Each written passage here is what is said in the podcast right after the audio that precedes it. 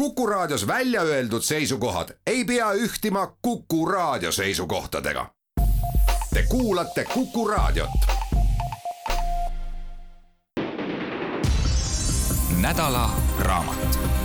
Katrin Kabun, arhailiselt high-tech, lambavilla teadmistepõhine rakendamine Eesti Kunstiakadeemialt. head Kuku kuulajad, nädalaraamat, nädalaraamatuks on meil sedapuhku Katrin Kabuni kirjutatud arhailiselt high-tech lambavilla teadmistepõhine rakendamine, mis on välja antud Eesti Kunstiakadeemia tekstiilidisaini osakonnas sel aastal. mina saatejuht Marek Strandberg olengi külla kutsunud Katrin Kabuni, tere! tere! Katrin on äh, tekstiilidisainer, teeb äh, Kunstiakadeemias muuhulgas õppejõutööd ja teadusuuring ongi seotud just nimelt sellesama lambavilla tehnoloogilise rehabiliteerimisega, nagu ma aru saan. võib nii öelda. nüüd raamat iseenesest ennem kui me sellest rääkima hakkame, on äh, huvitav, aga küsimus on sus endas. ma just kujutan ette, et meil oli ju aegu tagasi täiesti tavaline, et sellise noh, kui ma meenutan neid kõikvõimalikke kunstimeistrite koondises Uku tehtud asju, kampsu neid nii ja naapidi, väga paljud villast, vildid, klassikaline küll ida poolt, ei mitte ainult ida poolt, ka meil olid vildid nagu täiesti ju ikkagi riietusesemena ja jalanõuna kasutusel, eriti külmadel talvedel, olen isegi kasutanud ja see on uskumatult mõnus, mis oli see, kui, kui sügavas lumes sai käia viltidega ja need märjaks ei läinud. kas sinu kujunemisaeg oli ka see, kus sa käsitöölisena või käsitööd tehes ka villast kõikvõimalikke asju tegid? minu kujunemisaeg oli selline aeg, kus materjali polnud saada mitte midagi ka villa mitte? no see oli aeg, kui mitte midagi polnud saada ja noore inimesena ma tahtsin ju erinevaid riideid ja, ja see sundis ise nuputama, õmblema ja ka kuduma. ja villane lõng oli ainus asi, mis saada oli. vahepeal on toimunud ju väga palju muutusi, on tulnud tohutult tehismaterjale, mujal maailmas on nad olemas olnud ammu ennem, räägi, kas sinu nii-öelda materjalikasutuses tekstiilidisainerina on ka tehismaterjalid vahepeal nii-öelda villa välja tõrjunud või kuidas sellega lood on olnud? Äh, aus vastus on see, et villa välja tõrjunud ei ole, aga vastupidiselt ka mina alustasin sünteetiliste kiududega, mul oli väike selline silmuskudumisettevõte ja ma pean tunnistama, ma miskipärast põdesin kogu see aeg, et et ma pean äh, importima sünteetilisi kiude, äh, sünteetilisi materjale, et küll on kahju, et Eestis oma materjale ei ole. no lammas, lambavill üldse kõikvõimalikud looduslikud kiud, kui ka su raamatut sirvida siis äh, tekib arusaam, et tegemist on tõepoolest ülimalt mitmekülgse, mitmekesise ja nii nagu moodne on ju kõneleda täna kõrgtehnoloogilise nanomaterjaliga, mis kasvab ühe looma seljas, kelle seljas seda aina kasvab ja kasvab ja mida tuleb sealt kogu aeg ära lõigata. tõsi see on, lamba seljas ta kasvab ja kasvab ja see materjal on loodud just nimelt oma keeruka koostise ja, ja uskumatu unikaalsete omaduste kompleksiga seda lammast kaitsma. tema kehatemperatuuri hoidma, kaitsma teda füüsiliste erinevate mõjutuste eest. et see on looduse poolt väga hästi läbimõeldud ja tuhandete aastate jooksul välja kujunenud lamba kaitsekasukas. villalammas loomulikult, ma saan aru, on ka su raamatust lugedes ikkagi inimese aretatud, selekteeritud just nimelt sellise kõva kasvuga tegelane, karvakasvuga tegelane, ehk et äh, enamus neist äh, lammastest, kes meie hulka sünnivad, tõenäoliselt ilma inimeseta enam hakkama ei saakski. jah, kahjuks on see nii, inimene on omal ajal sellise vastutuse võtnud, kui ta hakkas lambaid pügama, see oli kuskil hilisel rauaajal, aga enne seda oli lammas nagu tavaline metsloom, et ta kevadeti lasi villakihi lahti, lihtsalt mis pudenes tal vabalt välja, ilmselt tõenäoliselt selle aja inimene võis isegi metsas selle villatudid kokku korjata ja, ja olema, olemata loomaga otse kontaktis, sai ta villa kätte nii, niimoodi. ja ketras siis lihtsa puuoksa abil arvatavasti lõngaks.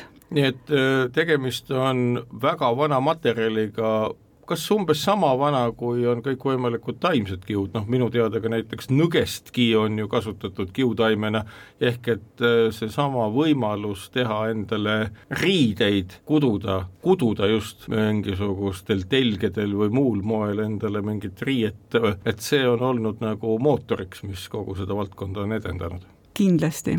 Äh, ma usun, et sinna käivad vaidlused, kumb see nüüd ennem oli, kas linakiud või äh, villakiud. ma ise kaldun sinnapoole, et vill valmis kiuna oli ju lihtsamini kättesaadav, et linakiu kättesaamise protsess on väga keeruline protsess. ehk seesama asi, et villaloomadel ehk et nendel ürglammastel oli siis karv lahti ja see vedeles igal pool, noh, kas nüüd igal pool, aga mõnes kohas ja selle sai kätte ja seda sai vaadata, seda sai kombata, äh, põhjustaski nii-öelda villa kasutussevõtt. mina usun küll jah, et see oli väga lihtne igapäevane selline kogemuslik protseduur.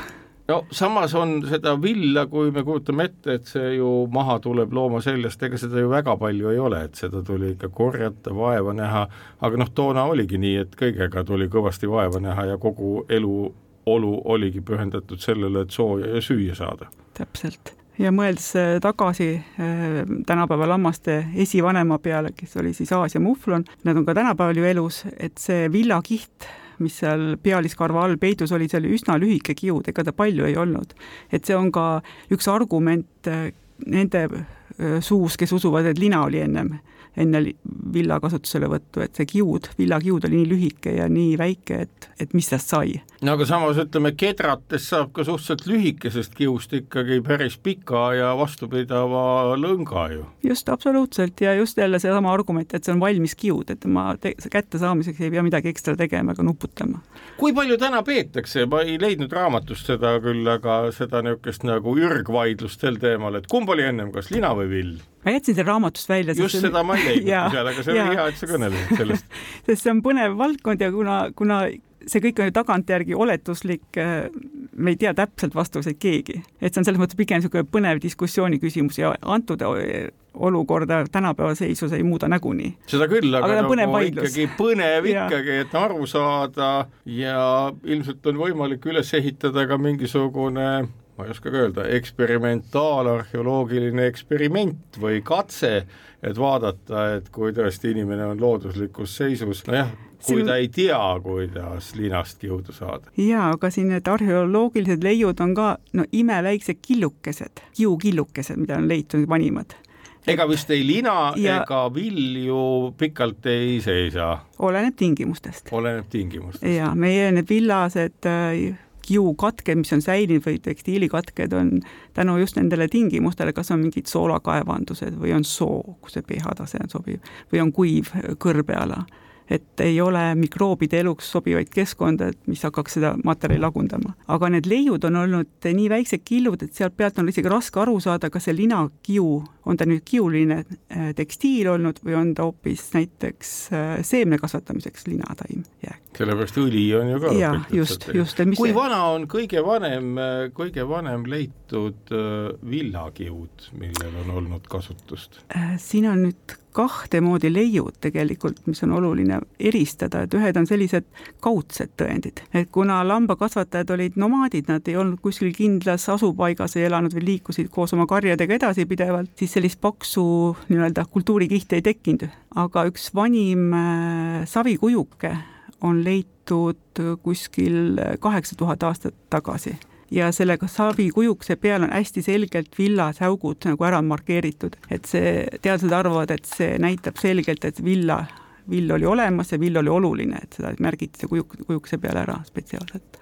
aga sellest me räägime edasi juba oma järgmises saate osas head Kuku kuulajad, selle nädala raamatuks on Katrin Kabuni kirjutatud arhailiselt high-tech, mis räägib lambavillast ja Eesti Kunstiakadeemia tekstiilidisaini osakonna poolt sel aastal välja antud. Ja Katrin Kabun ka meil stuudios rääkimas oma raamatust, mina saatejuht Marek Strandberg. Ja küsingi, et ega ju villast ja erinevate lammaste villast on ju ajaloos tehtud no praktiliselt kõik kui ütleme, ma meenutan oma nii-öelda lapsepõlve, kus ka villane kampsun ja selline ütleme, okastraati meenutavast lõngast, nii nagu ta on tüüpiline meenutus tüüpiline meenutus, eks ole, kõige kõige ebapopulaarsemad riietusesemed olid karupüksid ja kõik see oli tehtud villast. Need lambad tavaliselt, mille vilja kasutati või kelle vilja kasutati,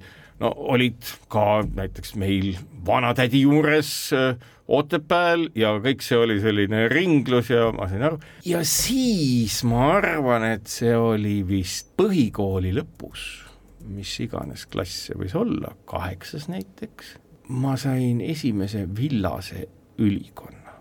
ja kui ema ütles, et ta on ostnud mulle villase ülikonna, mõtlesin, oo, mida see tähendab ja siis, kui ma nägin pintsakut ja pükse ja ka vesti, mis oli imesile materjal, oli see esimene kord mul, kui ma noh, mis iganes aasta see oli, kaheksakümmend midagi, sain aru, et vill on midagi enamat. Ja ta ongi midagi enamat. tõsi see on, villakiud on väga mitmekesiselt nii oma värvilt kui ka oma struktuurilt, jämeduselt et see, nagu paljud arvavad, et vill on selline homogeenne mass, mingi ebamäärast värvi, kollakas, hallikas, beežikas, mis torgib. just, just, ei, see oli ka värvitud, aga ikka torkis see ei aidanud, eks.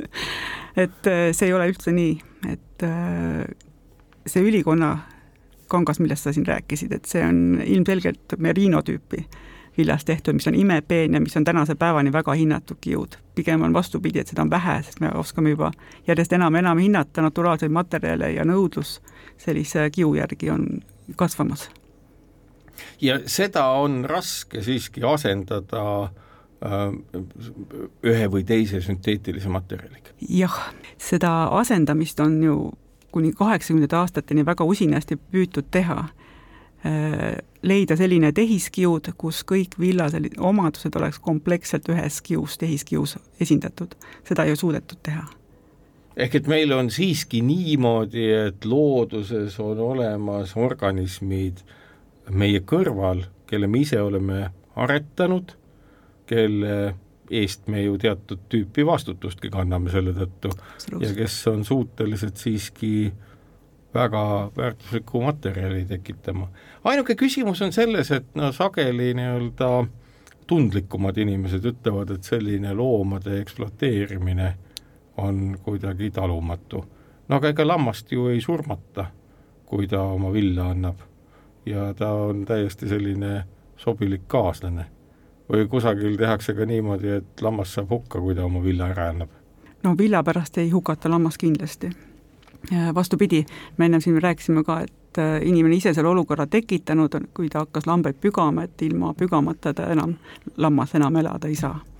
siin on aastaid tagasi oli Austraalias üks juhus, kus äh, äh, Merino lammas nagu põgenes pügamise eest ära mägedesse, keegi ei saanud ta kätte, ta oli seal kas kuus või kaheksa aastat ja kui lõpuks kätte saadi, siis oli tema villakasukas nelikümmend kilo see on ikka kordades rohkem kui tavaoludes. tavaliselt selline lammas annab kolm, maksimaalselt neli kilo villa korraga. no lammas, ma kujutan ette, ma võin teada merino lammast, aga noh, lammast olen mina küll lapsenagi üles tõstnud ja noh, ta kaalubki mingisugune paarkümmend kilo ehk et Need on ka erinevaid. Need on ka erinevaid, aga igal juhul see neljakümne kilone koorem mis temast sai, jäi ta ellu? jaa, see lammas, tal oli küll liigesed läbi ja tal oli parasiit, aga ta pügati ära ja ta elas rõõmsasti niimoodi kuni eelmise aasta sügiseni. siis tuli meediasse uudis, et kahjuks on ta nüüd surnud. ja mis aastal see juhtum oli? see võis olla, ma ei julge pead anda, kaks tuhat viisteist minu meelest oli see juhtum. ja kaks tuhat kakskümmend üks sügisel tuli teada, et ta on nüüd surnud no vot, selline kuulus lammas, sellest ka sa kirjeldad oma raamatus, see on uskumatult tore lugu. tema nagu rekordlammas, selliseid lugusid on veel, aga, aga nelikümmend kilo, see on nagu rekord. tavaliselt annab lammas kui palju villa? see sõltub jälle tõust, aga no meie see nii-öelda okastraadi villa tekitab no me ütleksime, et kaks kilo. kaks kilo ühe pügamise? jah, jah, kaks-kolm. ja aastas? aastas ja ütleme, selline villatööstus, noh, millist on siin olnud ju ja mõned villa kraasimisseadmed ja ketrusmasinad on jätkuvalt olemas, selleks, et see käima läheks, oskad sa öelda umbes, kui palju vilja sinna sisendiks minema peaks? Need viljavabrikuid on ka erinevaid. Eestis on väikseid viljavabrikuid, kes kasutavad, kelle seadmed pärinevadki samast tööstusrevolutsiooni aegsest Äh, seadmepargist, ehk siis on valmis tuhat kaheksasada lõpp millegiga. Ja need võivad teha isegi kaks-kolm kilo korraga ühte, ühte villa. aga suuremad villavabrikud, näiteks Raasiku, neil oli minu arust miinimum oli sada kilo, et see lihtsalt ära tasuks neile.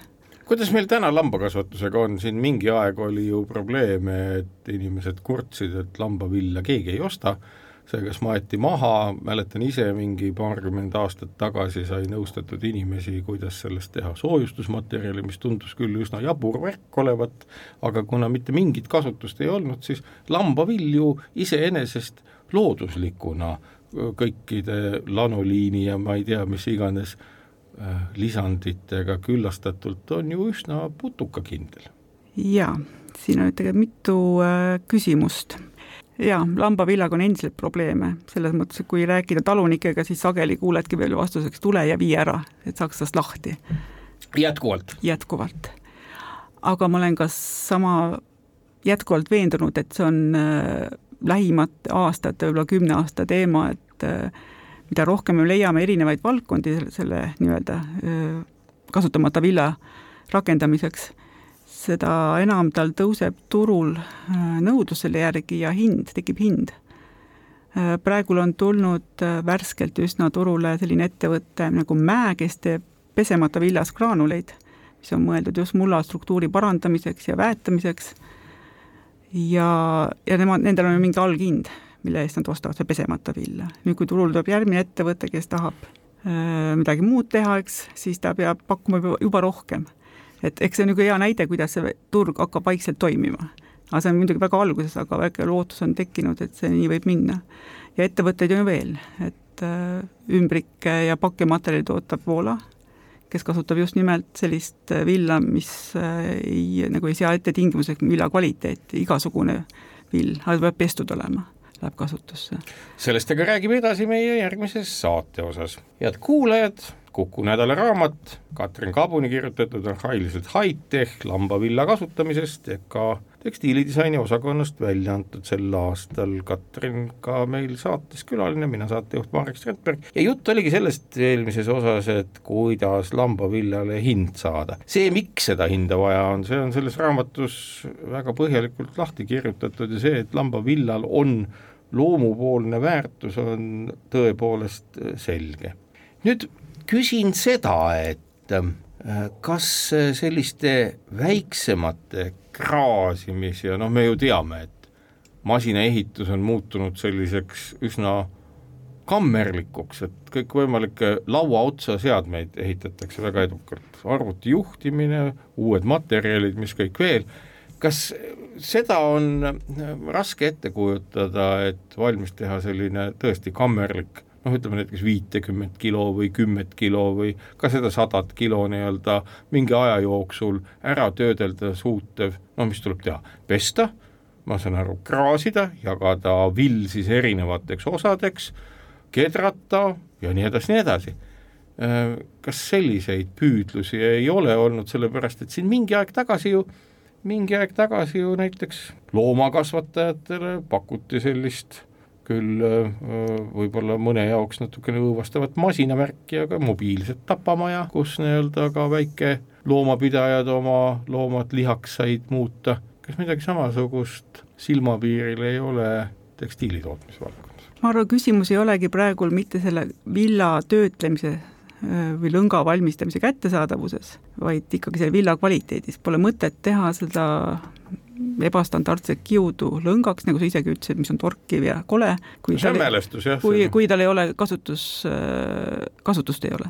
kas meie lambatõud, mis on või kes on siin ringi liikumas, et need on loomu poolest siis mille pärast see vill kehv on, kas lambaid ei pesta või nad ongi sellised nii-öelda karuse loomuga tegelased? Ehm, Eesti on väike, meil on lambaid igasuguseid, meil on väga hea kvaliteedi, kvali-, hea kvaliteediga villa andvaid loomi, on ka lihad otstarbel kasvatatavaid loomi, kes noh, ütleme keelekasvatusel villale üldse ei pööratagi tähelepanu, tähtis on see, et see lihakere ruttu oma kasvu täis saaks.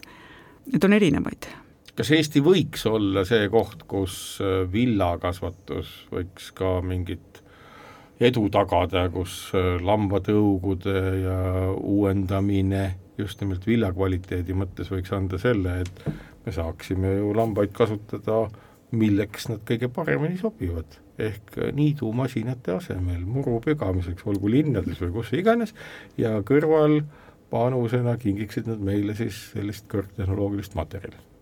Loomulikult, Eestis ju ongi tegelikult Eesti enda kultuurtõud, Eesti tumedapealine ja valgepealine lammas, ongi tüübilt liha villatõugu.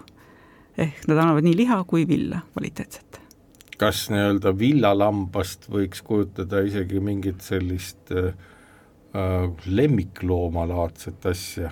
see on järjest enam levinud, kus äh, Ongi võetakse, võetakse rendile suviseks ajaks oma maastike hooldama lambaid, et sügisel saadetakse lauta tagasi, kust nad algselt pärit on. ja kuidas ja, selle pügamise tsükliga on et...? see on ka, äh, kasvataja enda mure. see on kasvataja enda Muidugi, mure, jah ja.? aga niimoodi, et nii-öelda suvel siis äh, saad sa pügatud lamba ja talveks on ta siis uuesti karva selga kasvatanud, kas see tsükkel on umbes selline? umbes selline jah, just.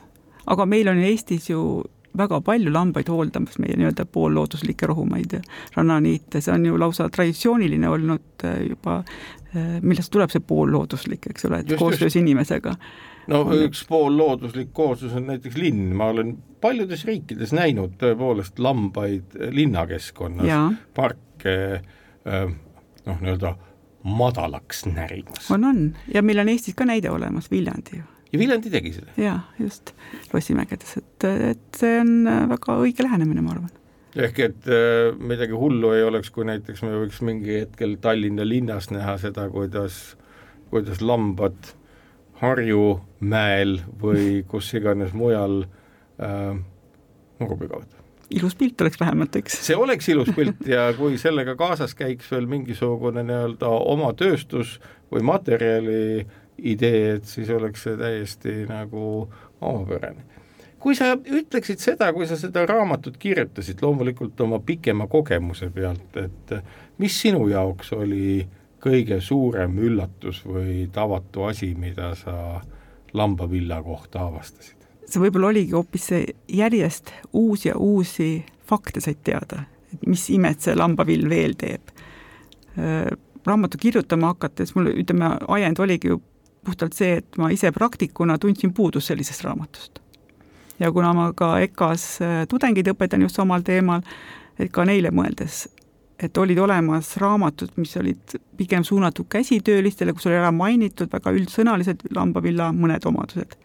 või vastupidi, oli teine äärmus, väga niisugused spetsiifilised teadusartiklite kogumikud, kus ütleme, keskmisel inimesel ikka väga raske aru saada, mis seal toimub, mis seal villakius toimub ja siin on tõesti selles raamatus väga hästi kokku toodudki täpselt seesama, mida sa mainid, selgitus, mille, millise kiuga on tegemist mida üks või teine kiuosa ja millist rolli ta omab ja see, kuidas seda kasutada saab, nii et selles osas nii-öelda noh, ma kujutan ette, et igale kui isegi lambakasvatajale võiks sellest abi olla nagu ikka, turustamisargumenti, kui nüüd nagu sellist keerulist äh, marketingialast sõnavara kasutada, et endale juurde saada, et põhjendada endale, miks villa vaja on ja võib-olla ka osta seda, osata seda paremini müüa.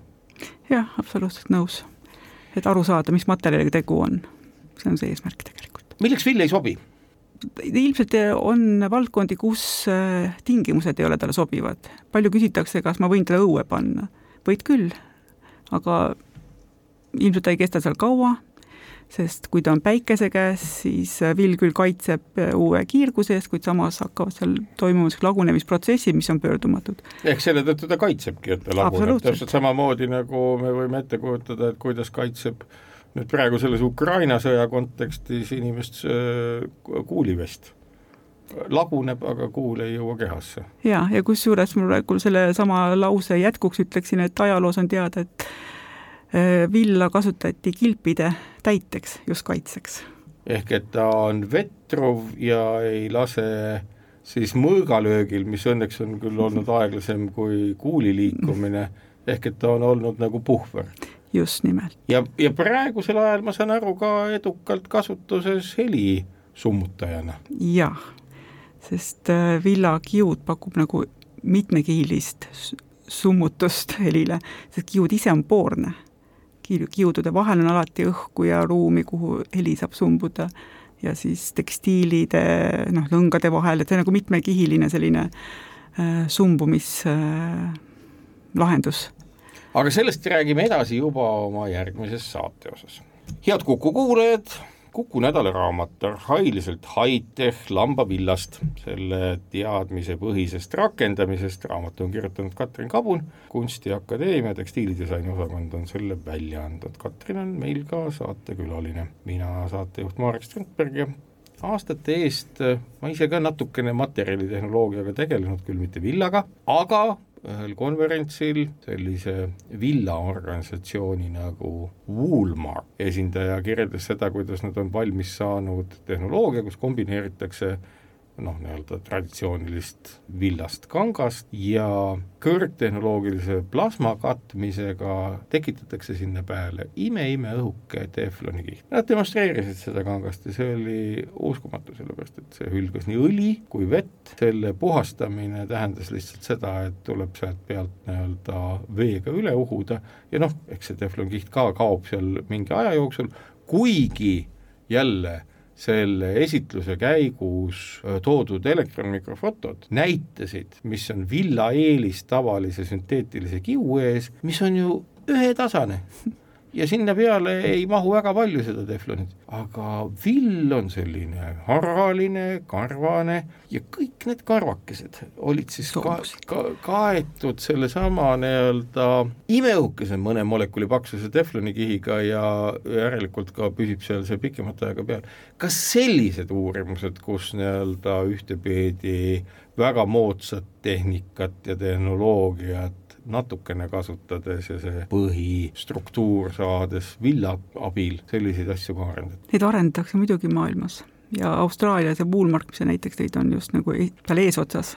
mina olen küll lähtunud just nimelt sellest, et see vill naturaalsuses on nii unikaalne, et seal pole vaja lisada ei ekstra vedelike hülde või õlide hülgavust, nagu sa ütlesid, sest ta on juba loomult on selline villakiud. see on huvitav, et äh, samal ajal kui vill imab niiskust, siis ta hülgab vedelikke ja uuringud näitavad, et äh, me teame, kui meil on vaja pesta näiteks midagi villast eset, me peame natuke mehaaniliselt teda survestama, et see märjaks üldse saaks. ja uuringud näitavad, et äh, villakiu molekulidel, molekulides toimub selline ümberorienteerumine, et veemolekul sisse lasta. ja kui vill ära uuesti kuivab, siis need äh, molekulid taastavad oma esialgse koha ehk et tegemist on veekindla materjaliga, kuni ta märjaks saab? jah, just, ja ta imab niiskust isegi kolmkümmend seitse protsenti oma, oma kiu nagu massist. ennem kui nii-öelda see muutus toimuma hakkab? just, enne kui, enne kui sa tunned, et vill on märg, siis ta imab selle niiskuse sisse. seda peab ütlema, et see on ju ka, kui me meenutame jälle, et ütleme seda nii-öelda okastraadi aegsete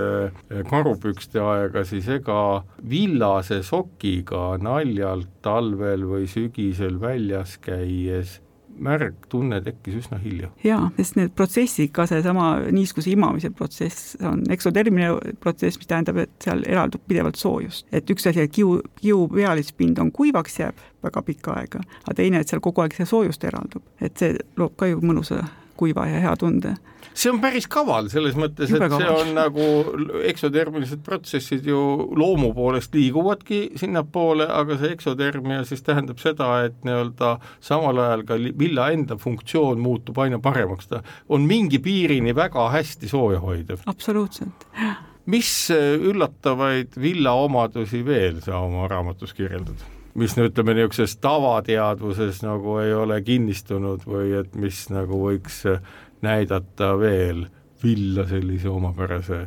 ainena ja materjalina? võib-olla kaks sellist teemat, mis on, üks on villaallergia, mida inimesed ilmselt kardavad ja vist ei muut-, mööda ühtegi loengut, kus seda ei küsitaks, aga villaallergia ja see on nagu selge, et vill, villaallergiat esineb imeharva väga,, väga-väga harva, kuna vill on samasugune proteiinmaterjal nagu meie oma küüned, juuksedki, et siis, kui inimesel on allergia oma juuste vastu, siis tõenäoliselt on ta allergiline ka lambavilla suhtes. aga seda on tõesti imeharva. et see on pigem ikkagi inimeste erinev tundlikkus, et isegi on mõõdetud, et kuskil kolmekümnest mikromeetrist villast kiu läbi äh, jookseb see piir, kus äh, inimese, inimene hakkab tajuma seda kokkupuutet villaga, sellist noh, karedust ja ja seda okastraadi just seda okastraati, täpselt. kui, kui jäme see vill võis olla, mis nagu niisuguse okastraadi tunde, kas see võis olla mingi mingi siis äh, tõenäoliselt sadakond mikromeetrit. võib vabalt olla ka sadakond juba, aga noh, kolmkümmend pluss ilmselgelt. et äh, päris selline normaalne, kui Eesti maalammas on kahekihiline, siis see pealmine villakarv on noh, näha koos ilmaga jäme et see on kuskil jah, saja kanti juba, aga harjased loomadel, mis on Oi samasugused on... ja neil võib sattuda samamoodi lõnga sisse, et aga rääkimata ka kadaka oks, okastest, mis, mida sa ei näegi võib-olla seal villa sees või villa karupükste sees no,. aga jah. kratsivad hirmsasti, eks ole. mis tähendab seda, et kes tunneb, et vill teda ärritab, kasutagu peenemat villa või? absoluutselt jah, nende villud see... on tundlikumad, nahk äh, reageerib nagu kergemini ärritustele ja, ja see, see võib väljendudagi sellises allergilises reaktsioonis, et nahk on punane punane, et äh, inimene arvabki, et näed, mul on allergia. ja see teine teema, mis villa puhul veel üllatav on või mida loengutel sult küsitakse või arutatakse? on muidugi koi teema Nonii, koid söövad üsna äh, edukalt vilja, kuigi nad söövad tänasel päeval ka kõike muud, et igasuguseid ju tegelasi, kes näiteks äh, siin oli mingi aeg tagasi inimesed hädas kõikvõimalike koidega, kes närisid ja ronisid, närisid läbi plastmasspakendid äh, ja ronisid mingeid jahutooteid või tangaineid sööma, et ka need, niisugused on jah, et kuhu me oleme jõudnud et kuhu me oleme jõudnud, et nad söövad kõike.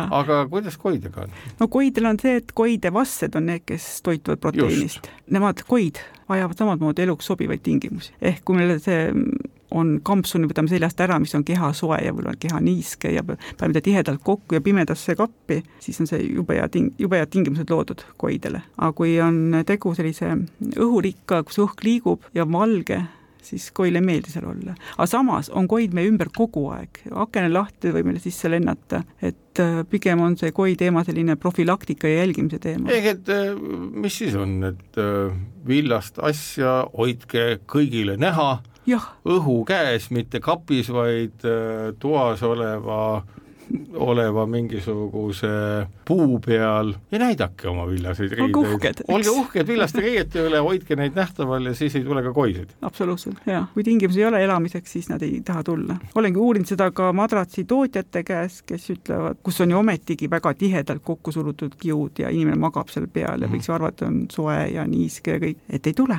ja põhjus? et on avatud ruumis, et ei tule.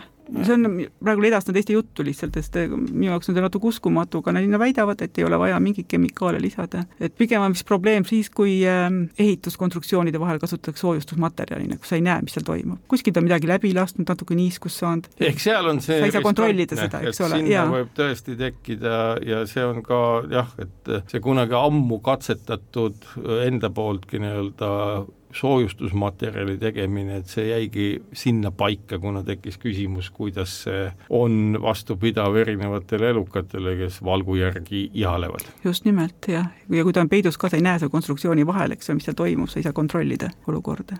Varem lubati booraksiga immutada, nüüd on see keelatud, otsingud käivad, et leida mingeid alternatiive, sellist loodussõbralikku, inimsõbralikku, aga, aga päris turule sellist kommertsiaalset lahendust pole minu arust jõudnud. aga edasi räägime oma järgmises saate osas. head Kuku kuulajad, Kuku nädalaraamat Katrin Kabuni kirjutatud arhailiselt high-tech lambavillast, selle kasutamisest Kunstiakadeemia tekstiilidisaini osakonnas sel aastal välja antud, Katrin ka meil stuudios, mina saatejuht Marek Strandberg ja räägime oma viimases saate osas siis äh, sellest, et äh, milline maailmas on üldse nii-öelda villa puudutav, et äh, sünteetilised kiud, nagu me teame, no moodustavad valdava enamuse, neid on nii lihtne toota, neid on kõikjal, me räägime mikroplasti reostusest ja millest iganes, kogu aeg otsitakse, et kuidas teha küll sünteetilisi ja tehiskiude, mis looduses ise ära laguneksid ja samas on meil selline materjal, mis lagunebki looduses ise ära, kui ta sinna satub. jah, vill on täitsa olemas, mikroplasti ei tekita, vastupidi, kui meil on villane pleed ja me oleme päikse käes ja näeme, kui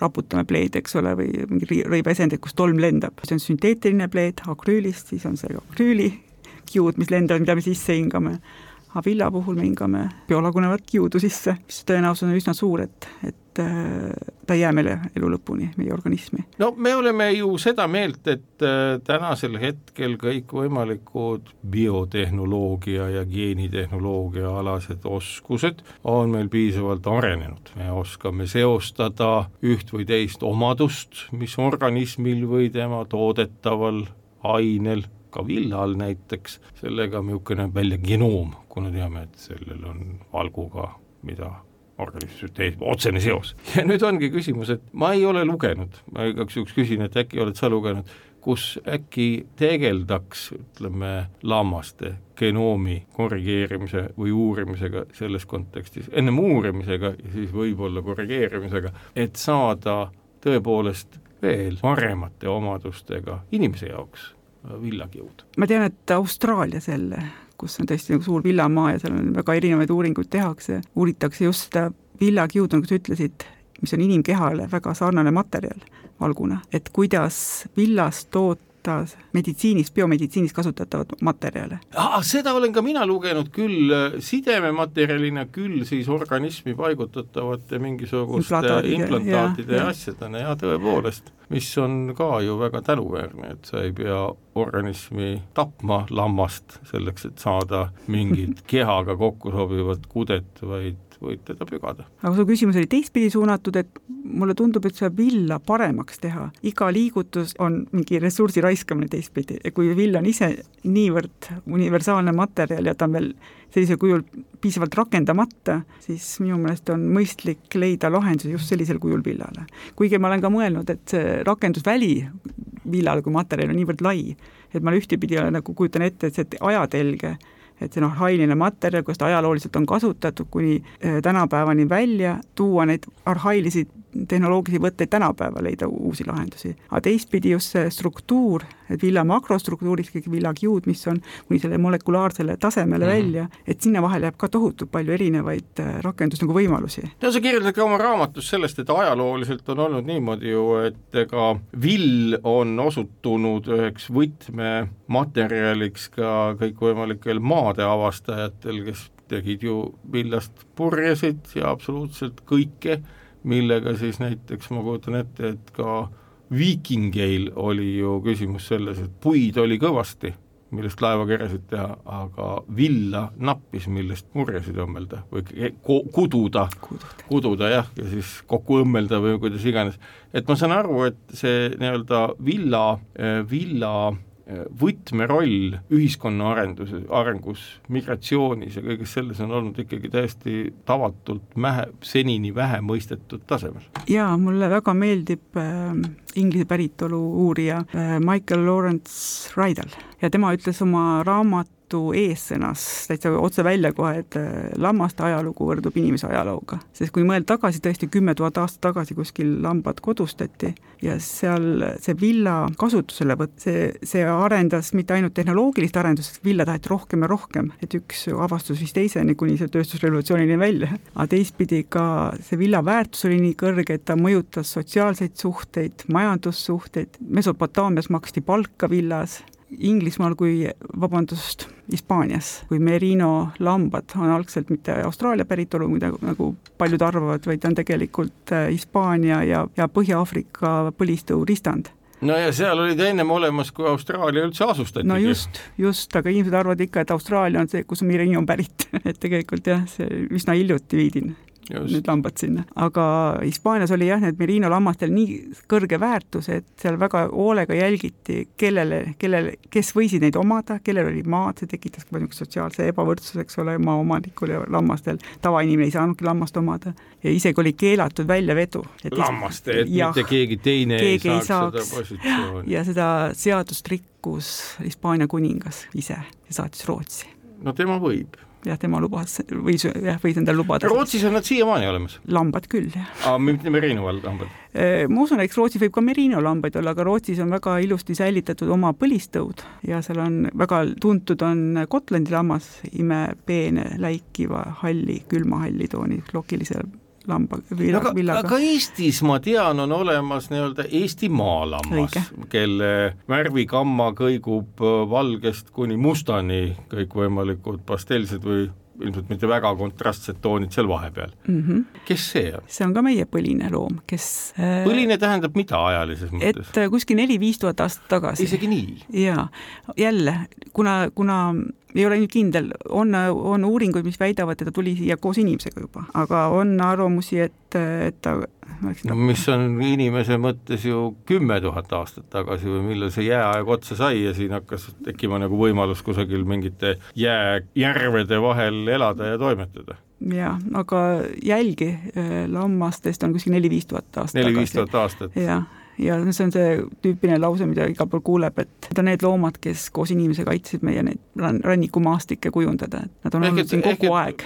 Nad on olnud nagu meie ajaloo mõttes siin tõesti kogu aeg. kogu aeg, toodi ju tuhat kaheksasada kakskümmend üheksa, kui Kärdla villavabrik asustati, siis toodi siia ka merino lambaid, aga need ei pidanud vastu meie kliimatingimustes ja meie Siin toiduga. talv ikka karm. no ikka on jah, kuigi tänapäeval juba, juba kasvatatakse Lõuna-Eestis ka merinot. ongi nii? on nii. mis nad teevad selle villaga? lõngaks teevad. ise teevad?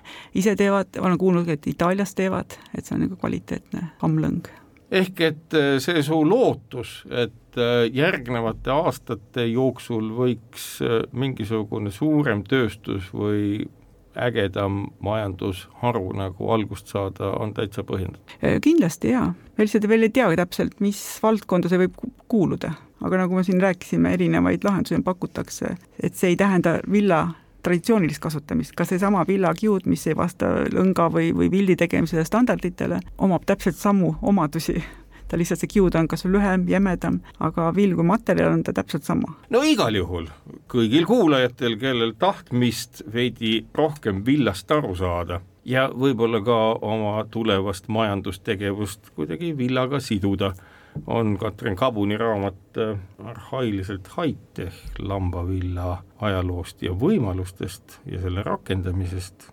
ilmselt hea lugemismaterjal. ta seob tõesti ära kõikvõimalikud erinevad valdkonnad küllaltki lihtsalt loetavaks. sellega on ka selle nädala raamatu tutvustus läbi ja head päeva teile! nädala raamat. Katrin Kabun, arhailiselt high-tech, lambavilla teadmistepõhine rakendamine Eesti Kunstiakadeemialt